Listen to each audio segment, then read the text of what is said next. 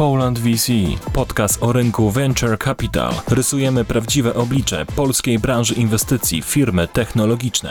Cześć, witam Cię w dziewiątym odcinku podcastu Poland VC. Z tej strony Łukasz Kulicki z kancelarii Linkę Kulicki, a moim gościem dzisiaj jest Jakub Domeracki. Cześć Kuba. Cześć Łukasz. E, Kuba, Dzisiaj mamy taki temat, który sam powiedziałeś mi na ofie, że e, jest często traktowany po macoszemu. Będziemy dzisiaj rozmawiali o finansach w startupach czy finansach w szybko rosnących firmach. E, powiedz mi, czym ty się na co dzień zajmujesz? Wiem, że jesteś partnerem zarządzającym w firmie Value Finance, ale chciałbym, żebyś troszkę więcej o sobie opowiedział. Na co dzień razem z moją dwójką wspólników, Adam, Zagałą i, i Gosią Mazur, prowadzimy firmę, która się nazywa Value Finance i tam świadczymy usługę dyrektora finansowego na godzinnej księgowości dla szybko rosnących firm, a tak w praktyce zamieniamy fakturowy chaos w jakościowe raporty zarządcze, czyli po prostu rozbiegane po firmie faktury zamieniamy w informacje, na których klientach najlepiej zarabiasz, gdzie są twoje pieniądze i co się wydarzy za 3 do 6 miesięcy w biznesie. Okej, okay, to, to tak w dużym skrócie, ale wiem też, że masz dosyć duże doświadczenie w branży e, venture capital, a to myślę z punktu widzenia tej rozmowy e, będzie też niezwykle ważne, bo właśnie będziemy e, też o takich tematach rozmawiali. Powiedz, jak wygląda tutaj Twoje doświadczenie, bo ja je sobie przeczytałem i myślę, że jest, jest, jest bardzo fajne i warto o tym powiedzieć. Historycznie pracując w venture capital, zrobiłem ponad 120 transakcji. Byłem zarządzającym w dwóch funduszach Venture Capital. Ostatni to prawie 100 e, milionów złotych. Tam akurat to było równolegle, rozwijał się ten fundusz z, z Value Finance i potrzebowałem wybrać. Wybrałem to, ale myślę, że te, dla tej rozmowy też ważne jest to, jak my w ogóle to Value Finance wymyśliliśmy, bo ono jest w dużym stopniu konsekwencją mojej pracy w venture. Bardzo chętnie to usłyszę.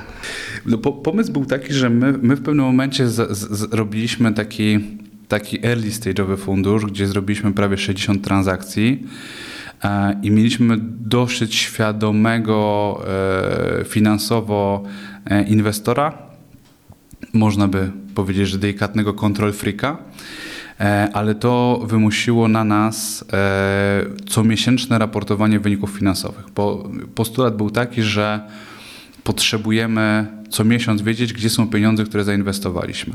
A że tych firm było już 60, no to ta skala była duża, bardzo duża. I w pierwszym ruchu. Niektóre polskie fundusze mówią, że już przy 15-20 to już jest dużo, tak? A ty mówisz o 60. Tak, no, zgadzam się, to wszystko zależy od tego, jaką masz politykę inwestycyjną i, i to wszystko jest we, wzajemnie połączonym. To jest, to jest, to jest, wszystko to jest taka reakcja łańcuchowa. To znaczy, że my mieliśmy bardzo jasno poukładaną politykę inwestycyjną, bardzo jasną tezę inwestycyjną. E, podchodziliśmy do inwestycji na zasadzie skali. To była w pewien sposób można nazwać fabryka venture capital, ale w samym venture jest ileś styli inwestycyjnych, które trzeba tam dosyć świadomie rozróżniać i dosyć świadomie zaplanować. Więc zgodnie z naszym stylem było pewne procesowe podejście do problemu i, i też bardzo silna kontrola pieniędzy. Więc z tego powstała idea, to załóżmy biuro księgowe, żeby nikt nas własne, żeby nikt nas nie Mm, no, no, no, nie podstawiał nam papierów, które nie są, nie są uczciwe. E, my byliśmy, w, wszystkie inwestycje robiliśmy w formie spółki ZOO, więc tam mieliśmy pełne księgi, więc ta, ta kontrola była dosyć szczelna i tak poznałem właśnie i Adama Zagałę i Gosię Mazur, więc my, się, my w sumie razem pracujemy przez, przez prawie 10 lat. I później z tego rozwinęła się taka koncepcja, nie wiem czy to ktoś, w sumie to jest tak naprawdę jak z penicyliną, trochę to wymyśliliśmy, bo dla każdej spółki co miesiąc robiliśmy raport, ale któryś analityk był na tyle sprytny w naszym zespole, że uznał, że on wyśle to do klienta, żeby on sam wypełnił, do, do inwestycji. I po wypełnieniu tego zaczęły się jakieś takie rozmowy z tą firmą, że on to w sumie nigdy tak nie patrzył na swoje finanse.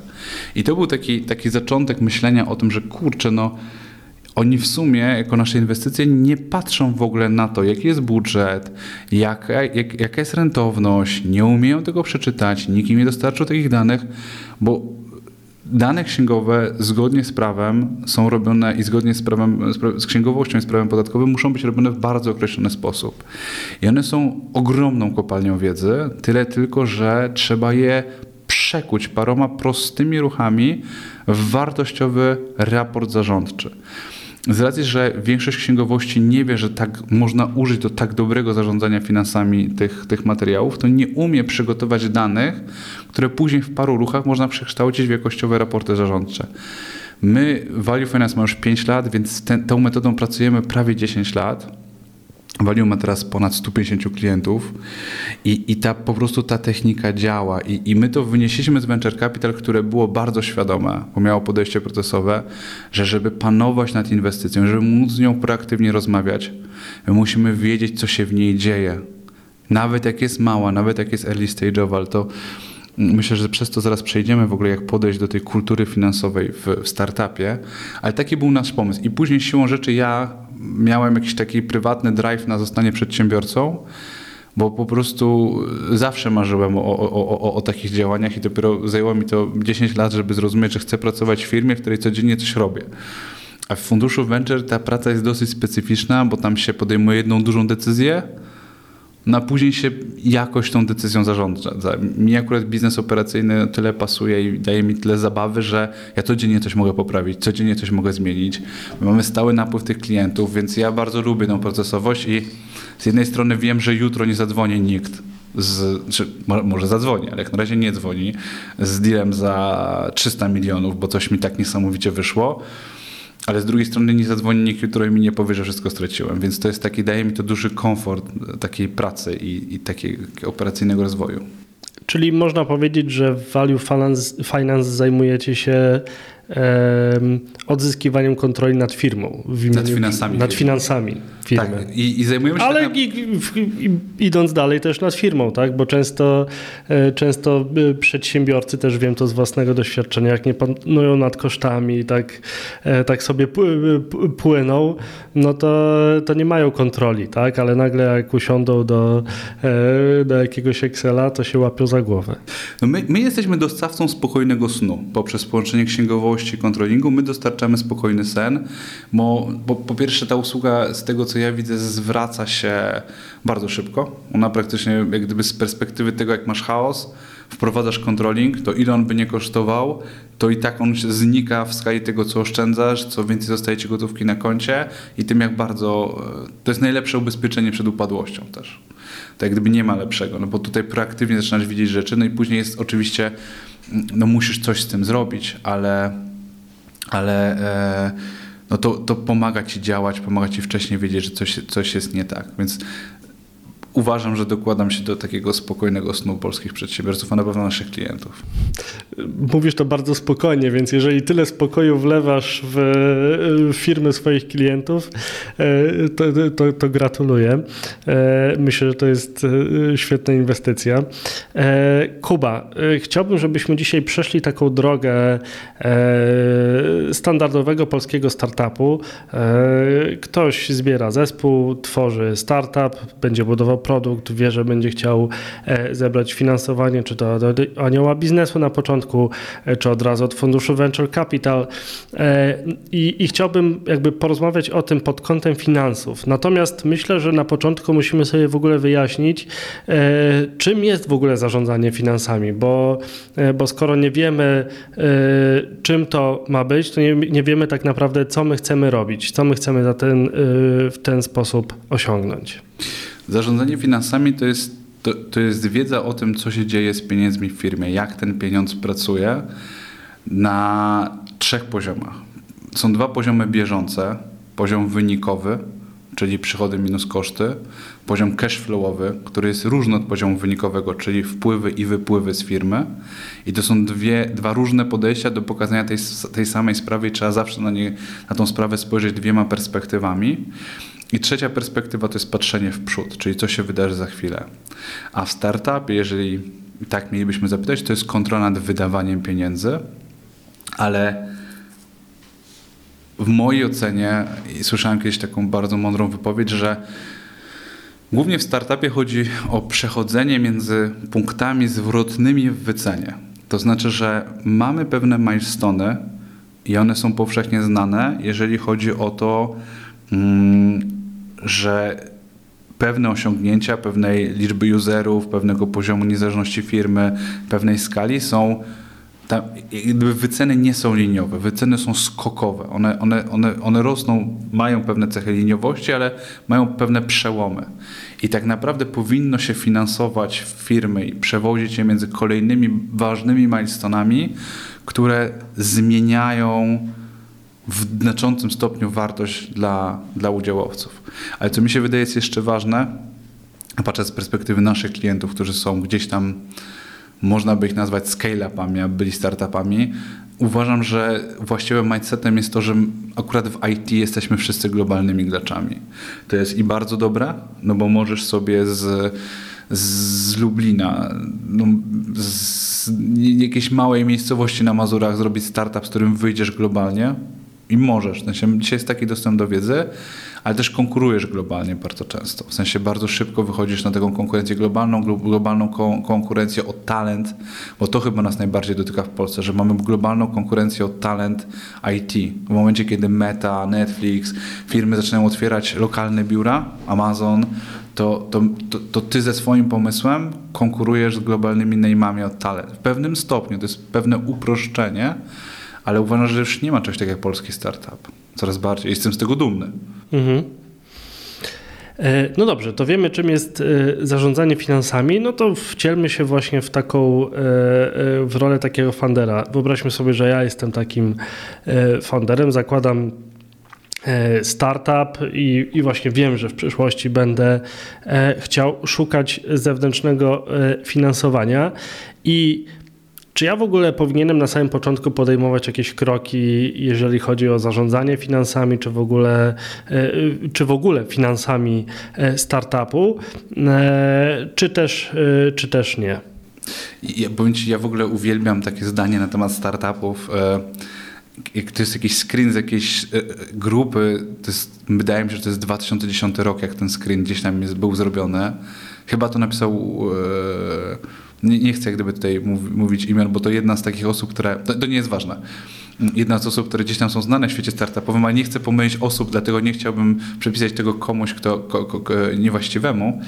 E, jest takie pytanie, skąd wziąć pieniądze na startup? I, i od klientów. Od klientów, ale to znaczy z czego? No z faktur przychodowych. Więc, więc to jest w ogóle, ja, ja, ja lubię to myślenie i w ogóle uważam, że mm, walidacja Szybka walidacja modelu biznesowego poprzez budowanie pierwszej trakcji jest potężnie ważna, ale ale to jest trochę, zaczęliśmy od dygresji. To Konrad Latkowski powiedział. Właśnie tak mi się dawało. I to było troszkę później niż 2010, Naprawdę? bo ja jestem na tym rynku od 2013 y, i to na pewno było później. E, tak mi się właśnie wydawało, że, że, że, że Latkowski, y, jak gdyby, ale nie chciałem, jak gdyby, no to ja uwielbiam. Ono jest jak gdyby, ono jest u nas wyryte nad drzwiami w przypadku, kiedy przychodzą startupy, gdzie są drzwi dla startupów, to, to tam, jest, tam jest ten napis. Mm, I wiesz co, ja bym zaczął od rozłożenia w ogóle problemu zarządzania finansami finansami e, w startupie od, i w ogóle w firmie na wczesnym poziomie rozwoju od, od tego na atomy, jak to powstaje. Czyli wstajesz rano, ubierasz się, robisz przedziałek i masz pomysł na biznes. I teraz z gruntu, o ile nie dzieje się handel gorącym kartoflem, o czym możemy później porozmawiać, z gruntu zakładamy w normalnej ekonomii i, i, i u normalnego przedsiębiorcy, że to ma być w długim terminie działające przedsiębiorstwo. Działające przedsiębiorstwo to firma, która ma przychody, koszty, zysk i pozytywny cash flow.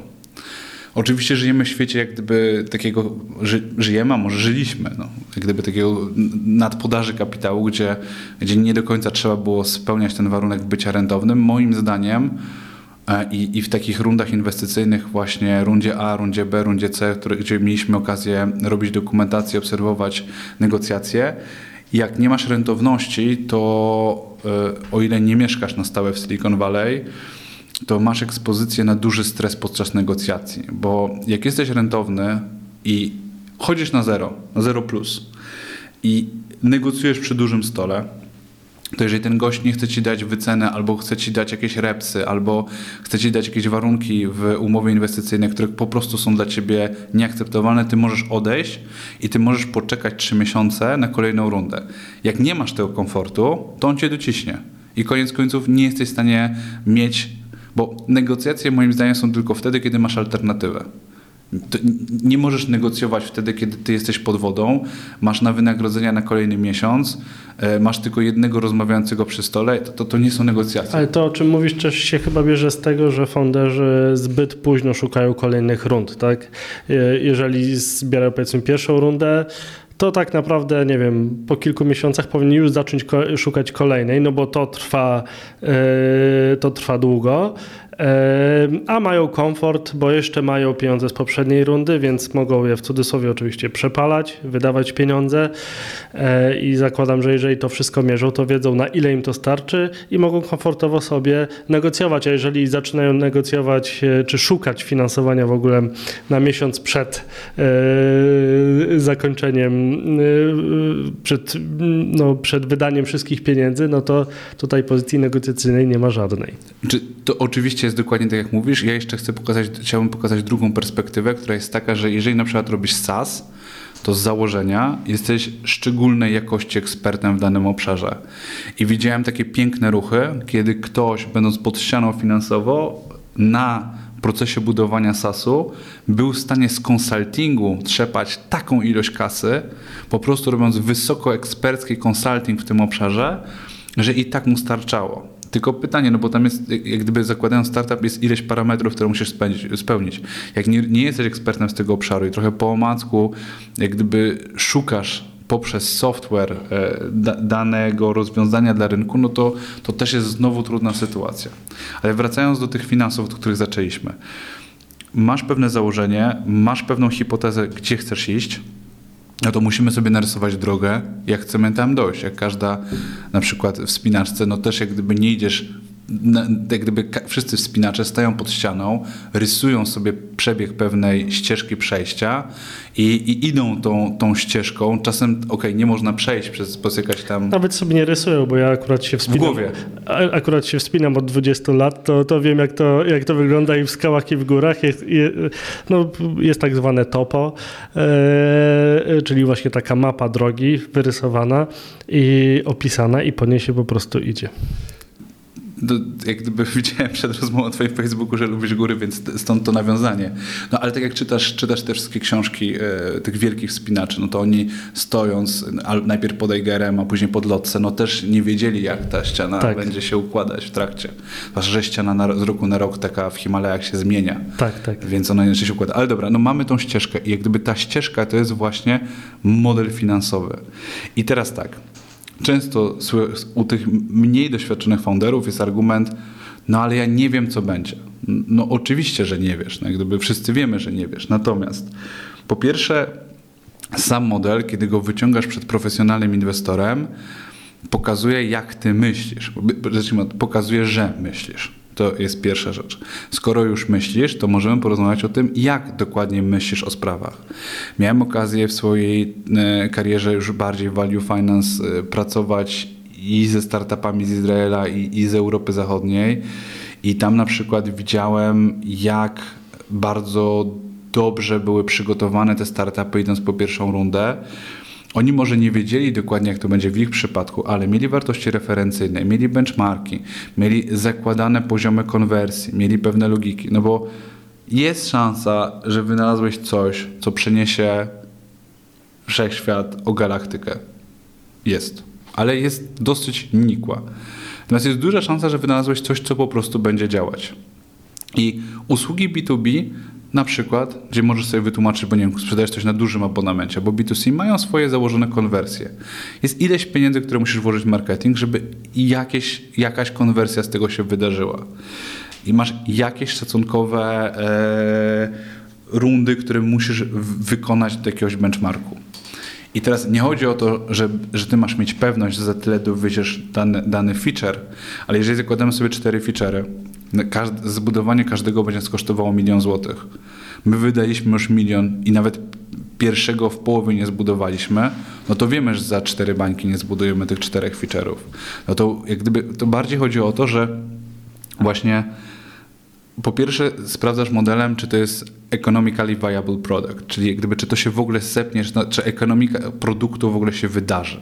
Jeżeli tak, to jaka ona będzie, o jakiej rentowności EBITDA, o jakiej rentowności netto, my w ogóle możemy hipotetycznie marzyć tak?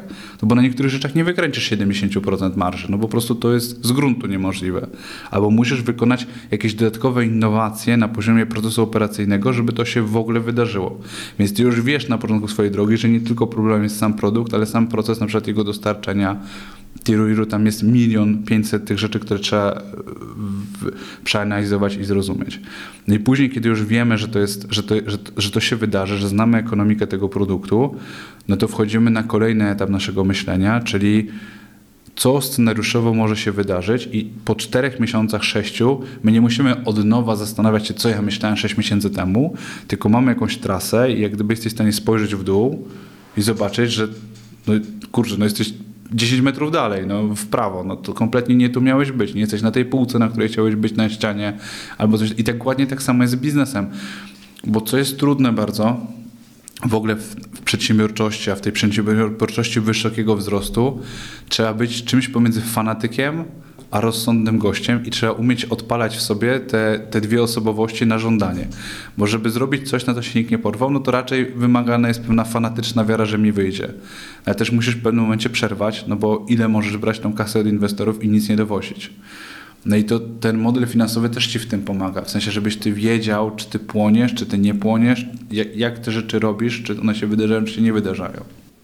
Okej, okay, czyli yy, też widzę takie, jakby podsumowując tę te, te, tę część, wielu, e, pewno każdy, tak, e, founder skupia się na tym, żeby zrobić model biznesowy, żeby zobaczyć, jak ten biznes będzie działał, a tak naprawdę ty kładziesz nacisk na to, żeby, no model biznesowy to jedno, natomiast ten model biznesowy trzeba przekuć jeszcze w model finansowy, żeby po prostu wyryć sobie e, drogę, którą będziemy podążać, tak, jeżeli, no, no, że generalnie ta droga modelu finansowego i biznesowego, ona musi tak naprawdę iść albo równolegle, albo tak na, to tak naprawdę jest jedna droga, tak? Jeżeli jedna odbiega od drugiej nagle, e, to znaczy, że coś tutaj nie działa. Ja ci jeszcze powiem o jeszcze jednej warstwie, bo oczywiście tak, model biznesowy typu biznes model Canvas, czyli mamy propozycję wartości, przychody, koszty, główne aktywności, propozycje dla klienta i to się wprost biznes model Canvas przekłada w dół na Excela, no bo jak gdyby tam masz lewą i prawą stronę ten biznes model Canvas i to w dół możesz przetłumaczyć na cyfry. Ale w ogóle w startupie i firmach, które pozyskują rundy finansowania, mamy jeszcze jedną warstwę, czyli warstwę e, punktów zwrotnych w kreowaniu wartości. Czyli jak ci się zmienia mnożnik do przychodów, albo w pewnym momencie mnożnik do EBITDA, jeżeli jako taką posiadasz. I Tutaj jest jeszcze jedna warstwa, czyli musimy zastanowić się, bo są na przykład pewne rzeczy, za które wiadomo, że rynek płaci więcej, albo takie, za które rynek płaci mniej. Więc jeszcze z tego modelu możesz wejść jeszcze głębiej w refleksję i zastanowić, dobra, to jak zmienia się wartość mojej firmy w czasie, jak gdyby jak ona przeskakuje na kolejnych punktach i co się wydarza, że ja mam tą większą wartość. I oczywiście możemy to zostawić na takim prostym poziomie, typu mam większy stake w rynku, tam nie buduję jakieś, jakieś feature'y, ale to poważni inwestorzy nie podejdą do tego poważnie. Czyli w pewnym momencie musi to być przetłumaczone na pewien PNL, rachunek zysków i strat i my z tego wychodzimy na rozumienie tego, jak generujemy dany zwrot, jak on się zmienia w czasie. I to jest bardzo ważne. W sensie to jest bardzo ważne, żeby to też zrozumieć. I ten cały model jest właśnie po to, żeby dać ci jakieś ramy myślenia. W ogóle sama, same finanse i matematyka, one mają bardzo jasne ramy myślenia. Tam jak gdyby nie da się pływać. I jak masz te cyfry, no to masz jakiś punkt odniesienia i bardziej też z modelem finansowym i w ogóle z finansami startupu chodzi o to, żeby z czasem pracować nad tym, jak myślałeś, czego się nauczyłeś, co to zmienia i być precyzyjniejszym w jakimś takim procesie prognozowania, a nie jeżeli chodzi dokładnie o te cyfry. Bo... To z tego, co też mówisz, to... Yy No, ja tak to widzę, że tak naprawdę to model finansowy nam bardziej pokazuje to, czy my idziemy zgodnie z planem, niż, e, niż, model, e, niż model biznesowy, tak? Bo jeżeli, no bo model biznesowy to nie wiem, sprzedajemy w taki, w taki sposób. Jak budujemy marketplace, no to rzeczywiście jak, jak zbudowaliśmy albo próbujemy go budować, no to idziemy zgodnie z tym planem biznes, e, biznesowym, z tym modelem biznesowym. Ale to model finansowy nam mówi, czy, czy, jest, czy jest źle, czy jest dobrze, a wiadomo, wiadomo, że w, na, przynajmniej na początkowych miesiącach, o ile nie latach, no to startup jednak pali pieniądze. Tak? Więc generalnie mogłoby się wydawać, że ciągle jest źle, ale dzięki modelowi mm, finansowemu wiemy, tak? czy my palimy zgodnie z planem i czy to, jest, e, czy to jest dobre palenie, czy już jesteśmy pod wodą. Model finansowy to jest właśnie ta mapa, którą zakładamy, a to właśnie o czym powiedziałeś, tak precyzyjnie nazywając, to jest w ogóle controlling. Czyli to dokładnie, co my robimy w Value Finance, czyli kontrolowanie tego, tego, jakie ty masz realnie cyfry. Bo jak jeszcze te modele finansowe jak cię bądź jakieś tam są na rynku, to później to działa tak. Gość robi ten model finansowy, patrzy, mówi, mhm. Odkłada go na bok, mówi, dobra, Mariana, robimy. I wracają do niego po roku. I tam w ogóle, jak gdyby wiesz, po roku możesz być tak daleko od różnych parametrów, że to się w ogóle w głowie nie mieści. A to, co jest ważne, i to dlaczego my pracujemy w takim trybie miesięcznym z naszymi klientami, to jest to, że ty co miesiąc się benchmarkujesz, kontrolujesz to, co się dzieje, wiesz to, co się dzieje. I dlatego tak ważne jest na przykład, żeby zainwestować na początku w dobrą księgowość, czego ludzie nie rozumieją, bo ona na wielu poziomach ci później pomoże. Po pierwsze, mądra, dobra księgowość ci powie, jak to wszystko poksięgować, żeby była baza do późniejszej rozmowy z inwestorem. Ty sam pewnie wiesz, co przechodzisz na due dealach, bo, bo, bo ten due deal finansowy zapewne zapewne, no obaj wiemy, jak, jak wygląda proces dopinania umowy inwestycyjnej. On wraca do ciebie na końcu, są tam killer nauty, takeaway box i ty później musisz się z tym użerać na poziomie umowy inwestycyjnej, albo żeby zabezpieczyć foundera albo inwestora, że no, wiesz, foundera no to trochę ok, namieszał chłop. No, no, najczęściej po takim due dealu, pewno finansowym bardziej niż, niż prawnym, chociaż po prawnym też bardzo często. Też wychodzą rzeczy. Masz jakieś czynności naprawcze, które potem trzeba zawrzeć w umowie i zobowiązać do tego e, startup, tak? No, tak. I to, to, to, też nie może nadmiernie wiązać rąk founderowi, a z drugiej strony to jest zagrożenie dla inwestora. Często na przykład źle zrobione finanse firmy są świetnym narzędziem dla inwestora, żeby przynegocjować cenę. Bo oczywiście sama idea jest warta, nie wiem, 15 milionów rundy, ale z racji, że inwestor mówi, ale ja nie wiem, nie wiem tak naprawdę, co się to wydarzyło, nie wiem, ile macie zobowiązań, nie macie dokumentów, jak gdyby to wszystko jest taki chaos, że z tego się nic nie da wy, wy, wyczytać, nikt nie chce się pod tym podpisać, to ja wam daję dyskonto, robimy transakcję za 10. To jest 5 milionów, które właśnie straciłeś, bo przyciąłeś 1200 zł na księgowości, bo wziąłeś najtańszą, jaka była dostępna. I jeżeli ktoś ma po prostu do zapłacenia wy, wypłaty już za miesiąc i jest przyparty do muru, no to... To jest kolejny argument, który cię dociska, nie? Ja oczywiście to jest, to jak gdyby, ja wiem, że to nie jest pierwsza potrzeba firmy, ale niestety problem jest taki, że to, ta potrzeba z czasem w miarę wzrostu firmy dramatycznie zyskuje na wadze, a koszt jej naprawy jest z dnia na dzień coraz wyższy. Okej, okay, to e, podsumowując może troszeczkę tę część rozmowy, powiedz jak e, podejść, daj jakieś wskazówki, jak podejść do budowy tego modelu finansowego. Po pierwsze racjonalnie. Są różne śmieszne skróty, które w środowisku venture capital chodzą na źródło wejścia w posiadanie tych danych. Myślę, że nie będziemy tego przytaczać. Mm, no ale nie bierz ich z miejsca, które są ciemne i, i jak gdyby i, i, i wątpliwe w swojej jakości. Po prostu ten model musi mieć jakiś kontakt z ziemią i informacja o tym, że pierwszy raz to robisz, nikogo nie interesuje bo zapewne ktoś coś podobnego w historii robił, albo coś zbliżonego i da się znaleźć wartości referencyjne, żeby w ogóle założyć jakieś sensowne dane. A następnie co miesiąc mierz, co się dzieje. To nie jest najważniejsza rzecz w Twojej firmie, ale jest pewna różnica pomiędzy poświęcaniem na to 0% czasu, a poświęcaniem na to 4% swojego czasu. No to właśnie powiedz, co, co, co należy mierzyć, tak? Bo, y, no bo można mierzyć y, przychody z, ze wszystkich klientów, z konkretnych kategorii klientów, e, koszty wykonania jakiejś usługi, koszty produktu. Co, y, co my tak naprawdę powinniśmy mierzyć, żeby, e, żeby to nam dało miarodajny wynik? powiem Ci, że z Twojej praktyki, czy z mojej praktyki, rozumiem Twoje pytanie, ono nie, nie jest tym, na które odpowiadają sobie startupy, w ogóle mierzyć. To, co ja widzę w startupach, to w ogóle mierzyć. W sensie widzimy, że próbujemy przygotować model finansowy dla firmy, a tam, tam nie ma danych, z których można by cokolwiek, cokolwiek mierzyć. Oczywiście na początek precyzyjne i realne mierzenie przychodów i kosztów na, na, na poziomie tego, co, co się w firmie dzieje i właśnie pokazywanie, że miałem jakiś plan i go to wiozłem. To jest, to jest ogromnie ważne. Na przykład możliwość pokazania jakiegoś modelu z poprzedniej rundy, kiedy my realnie zrobiliśmy to, co obiecaliśmy, przynosi e, z, z firmę, która zbiera finansowanie do kolejnej ligi.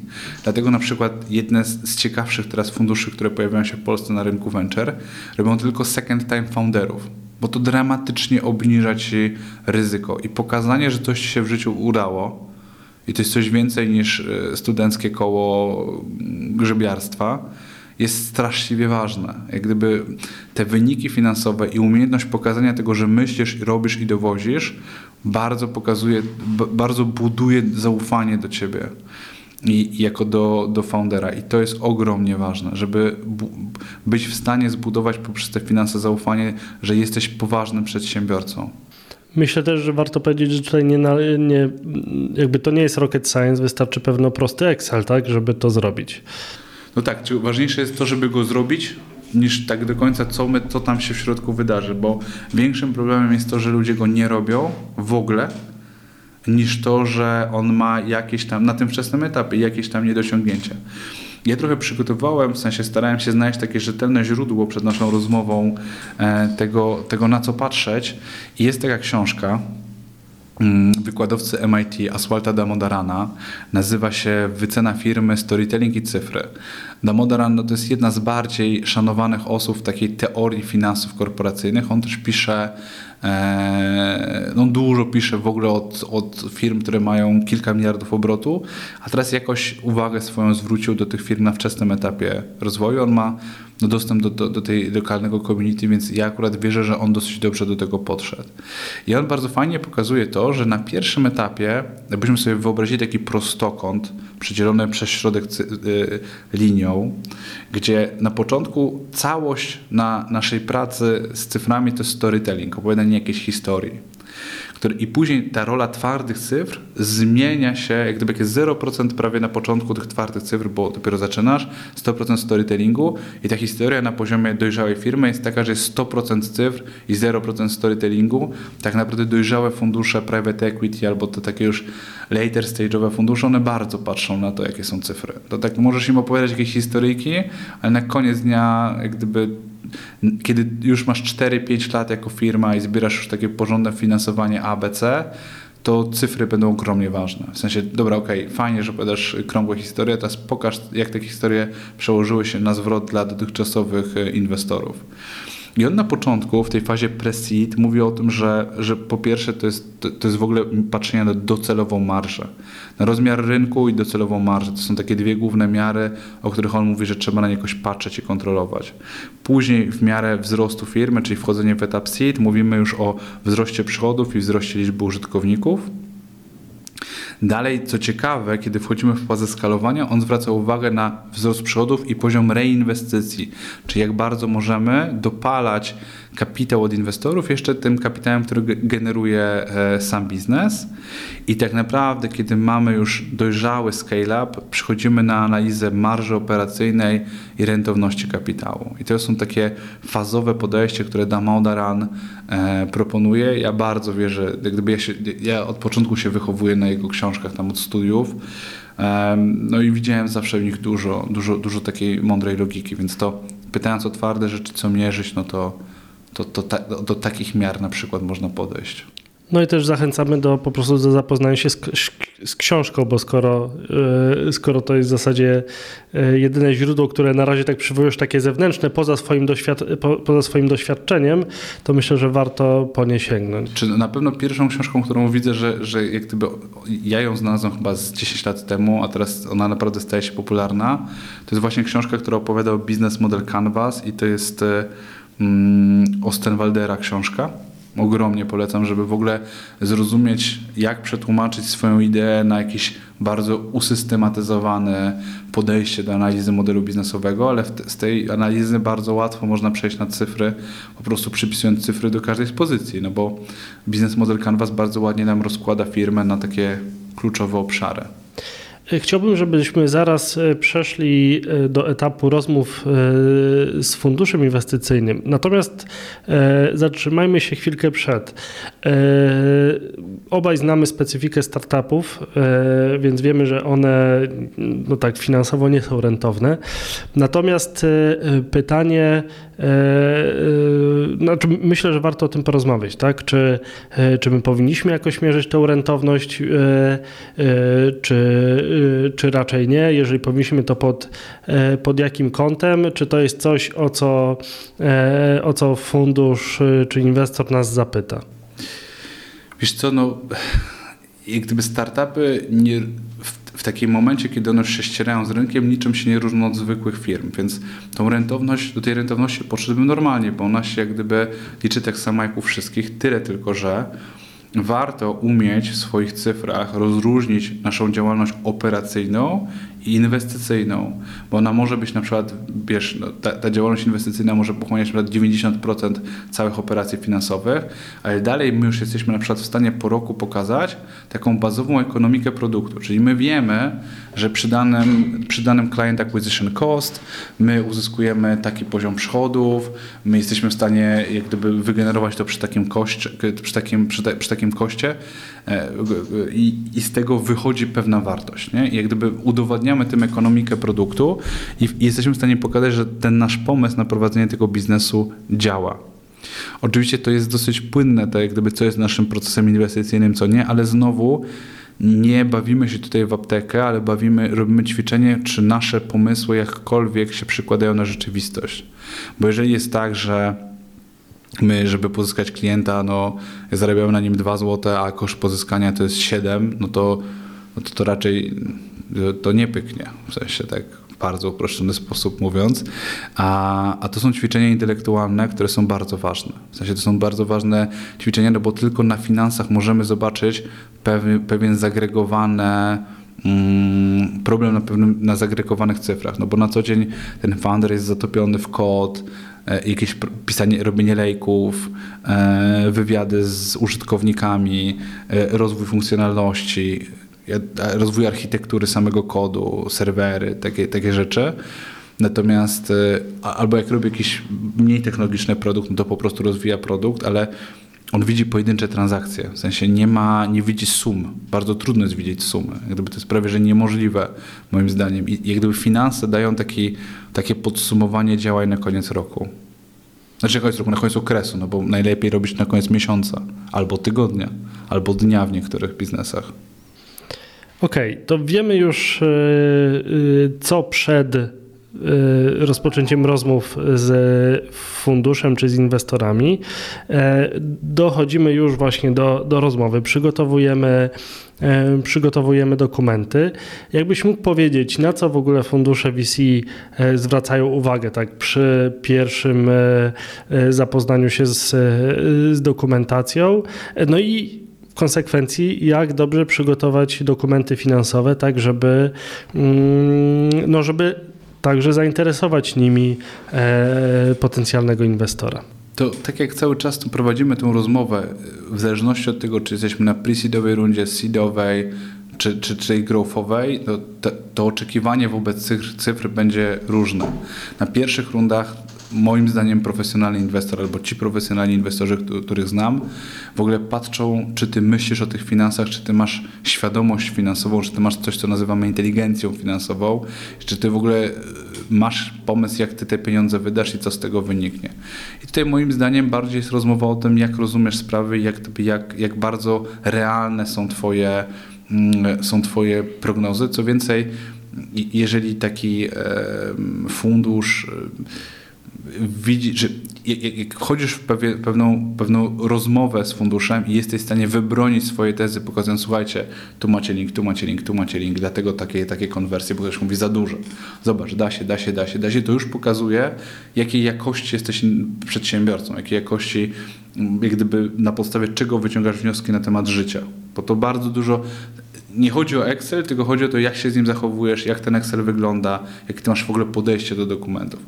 I później ta rola wyników dramatycznie rośnie w miarę tego, jak mamy later stage.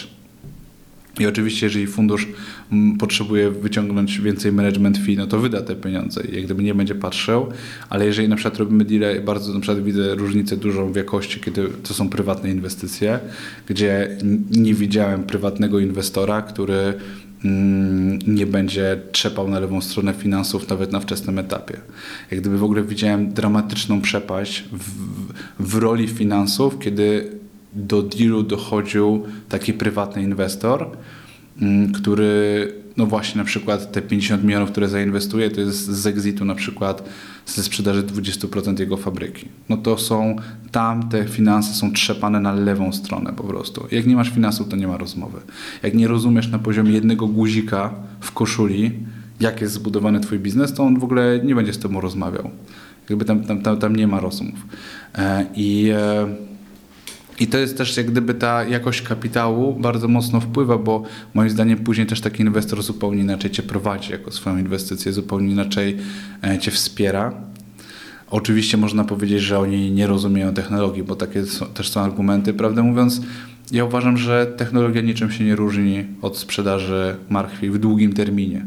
Bo oczywiście mamy early stage, kiedy wszystko płonie, kiedy mamy tych early adopterów, kiedy rynek wybucha, waluacje są na, na poziomie prezentacji, ale każdy sektor wcześniej czy później skonwertuje się w produkcję marchwi. Każdy wszystkie sektory to pokazały, że w pewnym momencie masz dojrzały sektor, masz dużych graczy, masz finansowanie długiem i, I to wcześniej czy później przekonwertuje się w poważny biznes. No bo jeżeli masz te 50-100 milionów obrotu, to wszystko w pewnym momencie musi się składać do kupy. Więc oczywiście na wczesnych etapach, kiedy jest nowa technologia, jak gdyby kiedy jest na nią boom, kiedy jest na nią ogromne zapotrzebowanie, te twarde wskaźniki się nie liczą. Ale one się zaczną liczyć wcześniej czy później. Gdyby to trwa chwilę.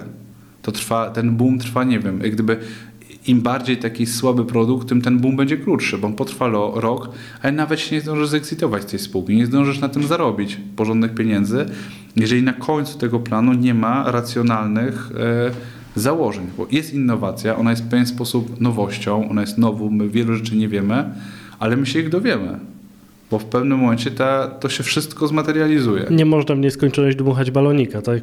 Kiedyś trzeba coś z tym no, zrobić. Jak gdyby ostatnia transakcja z, z naszego wspaniałego e, założyciela e, WeWorka, jak gdyby jest źródłem niebywałej ilości memów i też pokazuje, że... Ale on już dmucha nowy balonik. No właśnie chodzi o ten, ja mówię o tym nowym baloniku, nie? I jak gdyby to oczywiście wszyscy tak spojrzeli, no kryzys w Dolinie Krzemowej pełną gębą.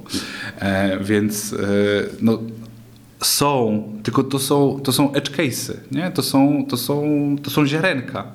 Ja mówię o tym, jak wygląda w rzeczywistości ten rynek, jak wygląda na skali, no bo nie masz takiego PR-u, żeby o tobie robili firmy na Netflixie, nie? To, to, jak gdyby on sobie może pozwolić na pewne rzeczy.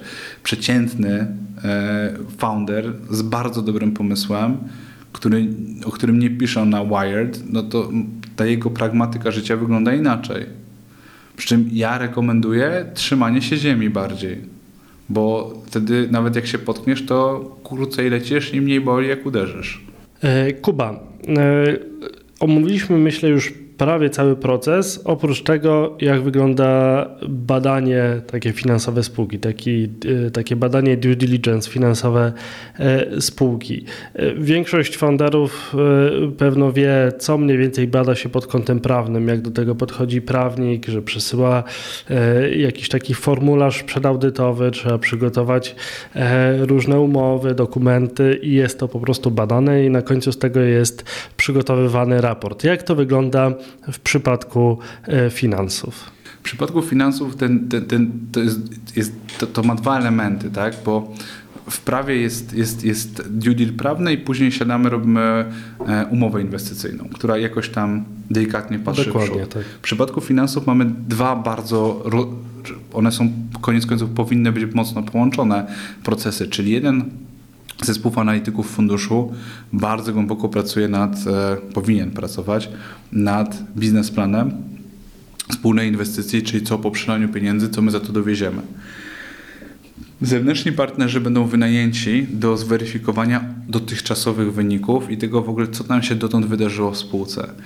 I na początku będą sprawdzane grube rzeczy, czyli VAT, rejestracja, e, czy tam na tym poziomie jest wszystko poskładane. No bo jeżeli nawet prowadząc prosty biznes, naczaskałeś jakiś bardzo niefajnych rzeczy na poziomie właśnie e, VAT-u albo jakieś rzeczy związane z podatkami, no to ty będziesz miał za chwilę zajęcia komornicze. Więc znowu nie można tej sfery kompletnie zostawić w samopas, bo konsekwencje mogą być dramatyczne. Jak gdyby w sensie jakieś można wpaść w problemy podatkowe, których się później będzie ekstremalnie trudno wy, wykaraskać. Więc jeżeli jak, robimy jakkolwiek poważny biznes, który nawet generując same koszty można sobie napytać biedy. Więc to więc ten due deal na samym początku on będzie taki bardzo, bardzo na dużych rzeczach skupiony, czyli na dużych rzeczach, które w tych finansach nie działają. Ale później w miarę gdyby wzrostu firmy będziemy patrzy, będzie, będzie patrzone coraz bardziej na to, jakie jakości są przychody, w jaki sposób one są rozpoznawane. Jeżeli na przykład masz upfront paymenty, na przykład abonament jest pobierany z, z góry, jak ty rozpoznajesz te przychody, jak ty to rozkładasz w czasie, jak ty amortyzujesz pewne rzeczy w firmie, bo, bo można też e, gdyby z, z rozwiązań IT tworzyć aktywa i później je e, amortyzować, co bardzo ładnie ci e, obniża koszty, zawyża rentowność. Więc coraz bardziej będzie obserwowane to, jak ty zrobiłeś te finanse dotąd i co z nich wynika. I oczywiście, im bliżej jesteś rundy A, ja mam takie poczucie, bo najwięcej klientów my mamy, z, którzy wchodzą na rundę A, mhm. bo wtedy mówimy już o poważnych finansach i o poważnym kontrolingu i wtedy ten kontroling robi różnicę. Czyli to nawet, jeżeli mówimy o SASach, to są takie 3, 4, 5 milionów obrotu. Oczywiście waluacje, wtedy mówimy o, o, o dosyć wysokich waluacjach do kolejnych rund. E, I, i w tych firmach my, ten kontroling robi ogromną różnicę, a ten due diligence już jest bardzo głęboki, czyli patrzymy, co się dzieje z należnościami, co się dzieje z zobowiązaniami, no bo ja mam taką hipotezę na temat pieniędzy w firmie, bo niektóre firmy sprzedają, ale nie, zapominają, czy sprzedają, wystawiają faktury, ale nie do końca są wkręceni w to, żeby ściągnąć z nich pieniądze. No bo oczywiście biorą finanse od inwestorów. A ja mam taką hipotezę, że jeżeli klient ceni produkt, i on kreuje dla niego wartość, on zawsze za niego zapłaci.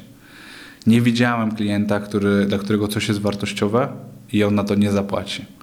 W sensie ostatnio właśnie w zespołem analizowaliśmy problem należności w firmach i moim zdaniem dramatycznie skaczące należności też mówią Ci coś o tym, że Twoja propozycja wartości firmie jest średnia. W sensie coś jest nie tak na poziomie produktu i tego, co on wnosi do życia klienta, bo on myśli sobie, dobra, nie zapłacę, najwyżej mnie odetną. No to miałem to i tak dla zabawy, nie? A jeżeli robisz coś, co na przykład robi operację na korowym systemie klienta, albo dopara korowy system klienta, korową usługę, korowy team klienta, on zapłaci za to zawsze. Jest siódmego płacone, to jest siódmego. Sami rozmawialiśmy o tym, że że mając dobrych klientów, bo obsługujemy podobną grupę klientów, mamy, mamy komfortową sytuację, bo oni cenią te usługi i tam zawsze faktury są zapłacone. Kuba, myślę, że e, dosyć e, fajnie udało nam się uchwycić taką istotę e, tych umówmy się i powiedzmy sobie szczerze, najprostszych spraw, jeżeli chodzi o finanse. Natomiast, y, natomiast myślę, że takie proste sprawy trzeba, e, trzeba tłumaczyć, e, bo one są po prostu nieznane e, mimo wszystko szerszemu gronu, tak? Jeżeli się nie obracisz no, i moglibyśmy zareklamować nasz kanał, bo my otworzyliśmy kanał Nowoczesne Finanse Firmy na YouTubie i tam mamy taką misyjną działalność i moje założenie jest takie, że tam będziemy nagrywali firmy, które będą ten basic finansowy prowadziły, bo ta wiedza moim zdaniem powinna być dostępna, a książki są napisane takim językiem, żeby ktoś przypadkiem nie zrozumiał moim zdaniem. Ja sam próbowałem z tych książek się nauczyć i najwięcej się nauczyłem od, mojego, od moich wspólników w praktyce e, i, i jak gdyby też w praktyce transakcyjnej I, i, i, mam takie marzenie, żeby to było takie miejsce, że ktoś jak zaczyna, to sobie ten basic tam złapie, i później będzie, będziesz mógł stanąć na nogi, bo to jest moim zdaniem też rola budowania społeczności, tak jak ty budujesz e, umowy w IT i, i faktycznie jest tak, że można sobie kupić po prostu bandla i, i od początku robić dobrą umowę, czyli nie, nie, nie wynajmujesz koła na nowo, tylko po prostu masz taką bazową wiedzę. Tak.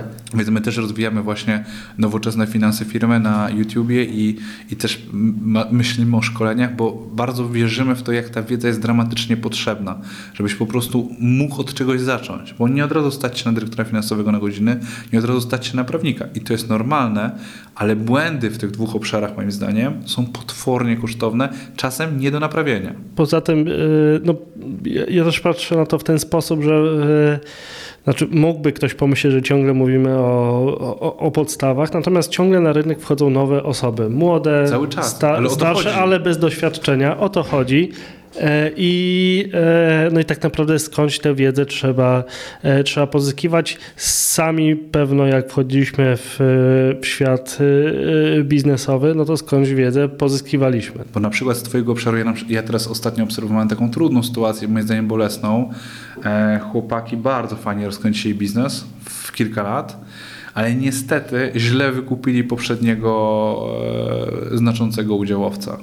I on do dziś ma prawa do spółki i do produktu. Nie było pra, pra, prawidłowego przejęcia udziałów, nie było prawidłowego przejęcia IP. Nawahali się wiosłami. No i co? I tak naprawdę mają tylko tam 45, 50, 60, 30% w firmie, nie daj Bóg, bo przyskąpili tych 4 tysięcy, czy nawet 30 tysięcy, żeby dobrze doprowadzić ten proces, no to dzisiaj są w plecy 3 miliony, nie? Tak, tak, dokładnie. Ja, No ja to- rozumiem, że ktoś może nie rozumieć, mówi, kurczę, szkoda mi, no, na tle innych rzeczy mogę wydać te pieniądze. No tak, tylko że to są takie oszczędności, które w długim czasie mogą się wymnożyć do gigantycznych kosztów. Tak, ale to też jest e, e, tak, że, e, że o tym jakby myśli się już jak ma się doświadczenie. E, ty już teraz też nie, nie skąpisz na usługi prawne czy, czy jakieś inne usługi. U, ja u siebie w firmie, w firmie podobnie, ale to dlatego, że przez lata po prostu też swoje, swoje doświadczyliśmy. Czołgało mnie. Tak, tak. Jakubie, podsumujmy może e, ten odcinek. E, jakie wskazałbyś takie dobre praktyki e, w zakresie higieny finansowej startupu? Wiesz co, my tu razem z zespołem usiedliśmy i tak, tak się nad tym mieliśmy okazję przygotować, bo, bo poprosiłeś mnie o przygotowanie tego. Więc z takiego naszego doświadczenia ponad 150 spółek i, i, i, i ponad 8, no w sumie, w sumie cały zespół liczy prawie 40 osób, a takich seniorów mamy, mamy 8. Po pierwsze prognozuj kontroluj budżet. W sensie po prostu i bądź tym racjonalny. Czyli mniej jakiś plan na to, co się, co się wydarzy. Po drugie, miej podkładkę na to, co mówisz, czyli gromadź dane finansowe, dane operacyjne, żeby móc e, mieć dowód na to, że jest tak, jak mówiłeś, albo tak, jak mówisz, albo tak, jak planujesz. A po trzecie, zacznij budować taką podstawową inteligencję finansową. I to jest znowu trzecia książka, którą, którą mogę z lekkim sercem polecić. Inteligencja finansowa, co kryją liczby, Keren coś. Bardzo dobra pozycja, Harvard Business Review, jedyna książka w historii finansów, którą można przeczytać z piwem w ręku. E, I to też polecam, żeby od tego zacząć, żeby, żeby zacząć budować podstawowe rozumienie finansów. Nie musisz być mistrzem finansów, ale nie możesz ich nie rozumieć. Pomiędzy 0 a 10% rozumienia jest znacznie większa odległość, jeżeli chodzi o życie Twojej firmy, niż pomiędzy 10 a 100. Chodzi o to, żebyś rozumiał, o co w tym chodzi kierunkowo, rachunek zysków i strat, co to jest, przychody, koszty, aktywa, pasywa, rachunek, y, cash flow, budżetowanie. Troszkę reszta przyjdzie sama potem, tak? Jak już trzeba będzie coś Jak zrobić, to zrozumiesz, to to, wynajmie- siłą rzeczy... Wynajmiesz gościa, który już to dalej ogarnie, ale jak nie zrozumiesz tej bazy, no to krucha, krucha może być twoja przyszłość. Podstawy takie, podstawy podstaw księgowości, podatki kluczowe, podstawowe rzeczy, związane, podstawowe rzeczy związane z kadrami, tak żeby rozumieć, w sensie, że masz obowiązki, jak gdyby jako pracodawca, jakieś płatnościowe, żebyś to rozumiał. Ale też jak gdyby podstawy prawa, żeby rozumieć swoje prawa i obowiązki wobec umowy inwestycyjnej, bo jest jeszcze KSH i parę dokumentów, które po prostu musisz znać, żeby sobie radzić. Kuba, y, bardzo Ci dziękuję za rozmowę. Y, mam nadzieję, że to nie pierwsze nasze spotkanie, bo tak jak mówiłem, omówiliśmy takie, e, takie podstawy, natomiast mam wrażenie, że do omówienia jest jeszcze masa, masa rzeczy, E, więc y, bardzo Ci dziękuję, to była wielka przyjemność. Dla mnie również dziękuję. Dzięki, cześć. Cześć. Poland VC, podcast o rynku Venture Capital. Rysujemy prawdziwe oblicze polskiej branży inwestycji, firmy technologiczne.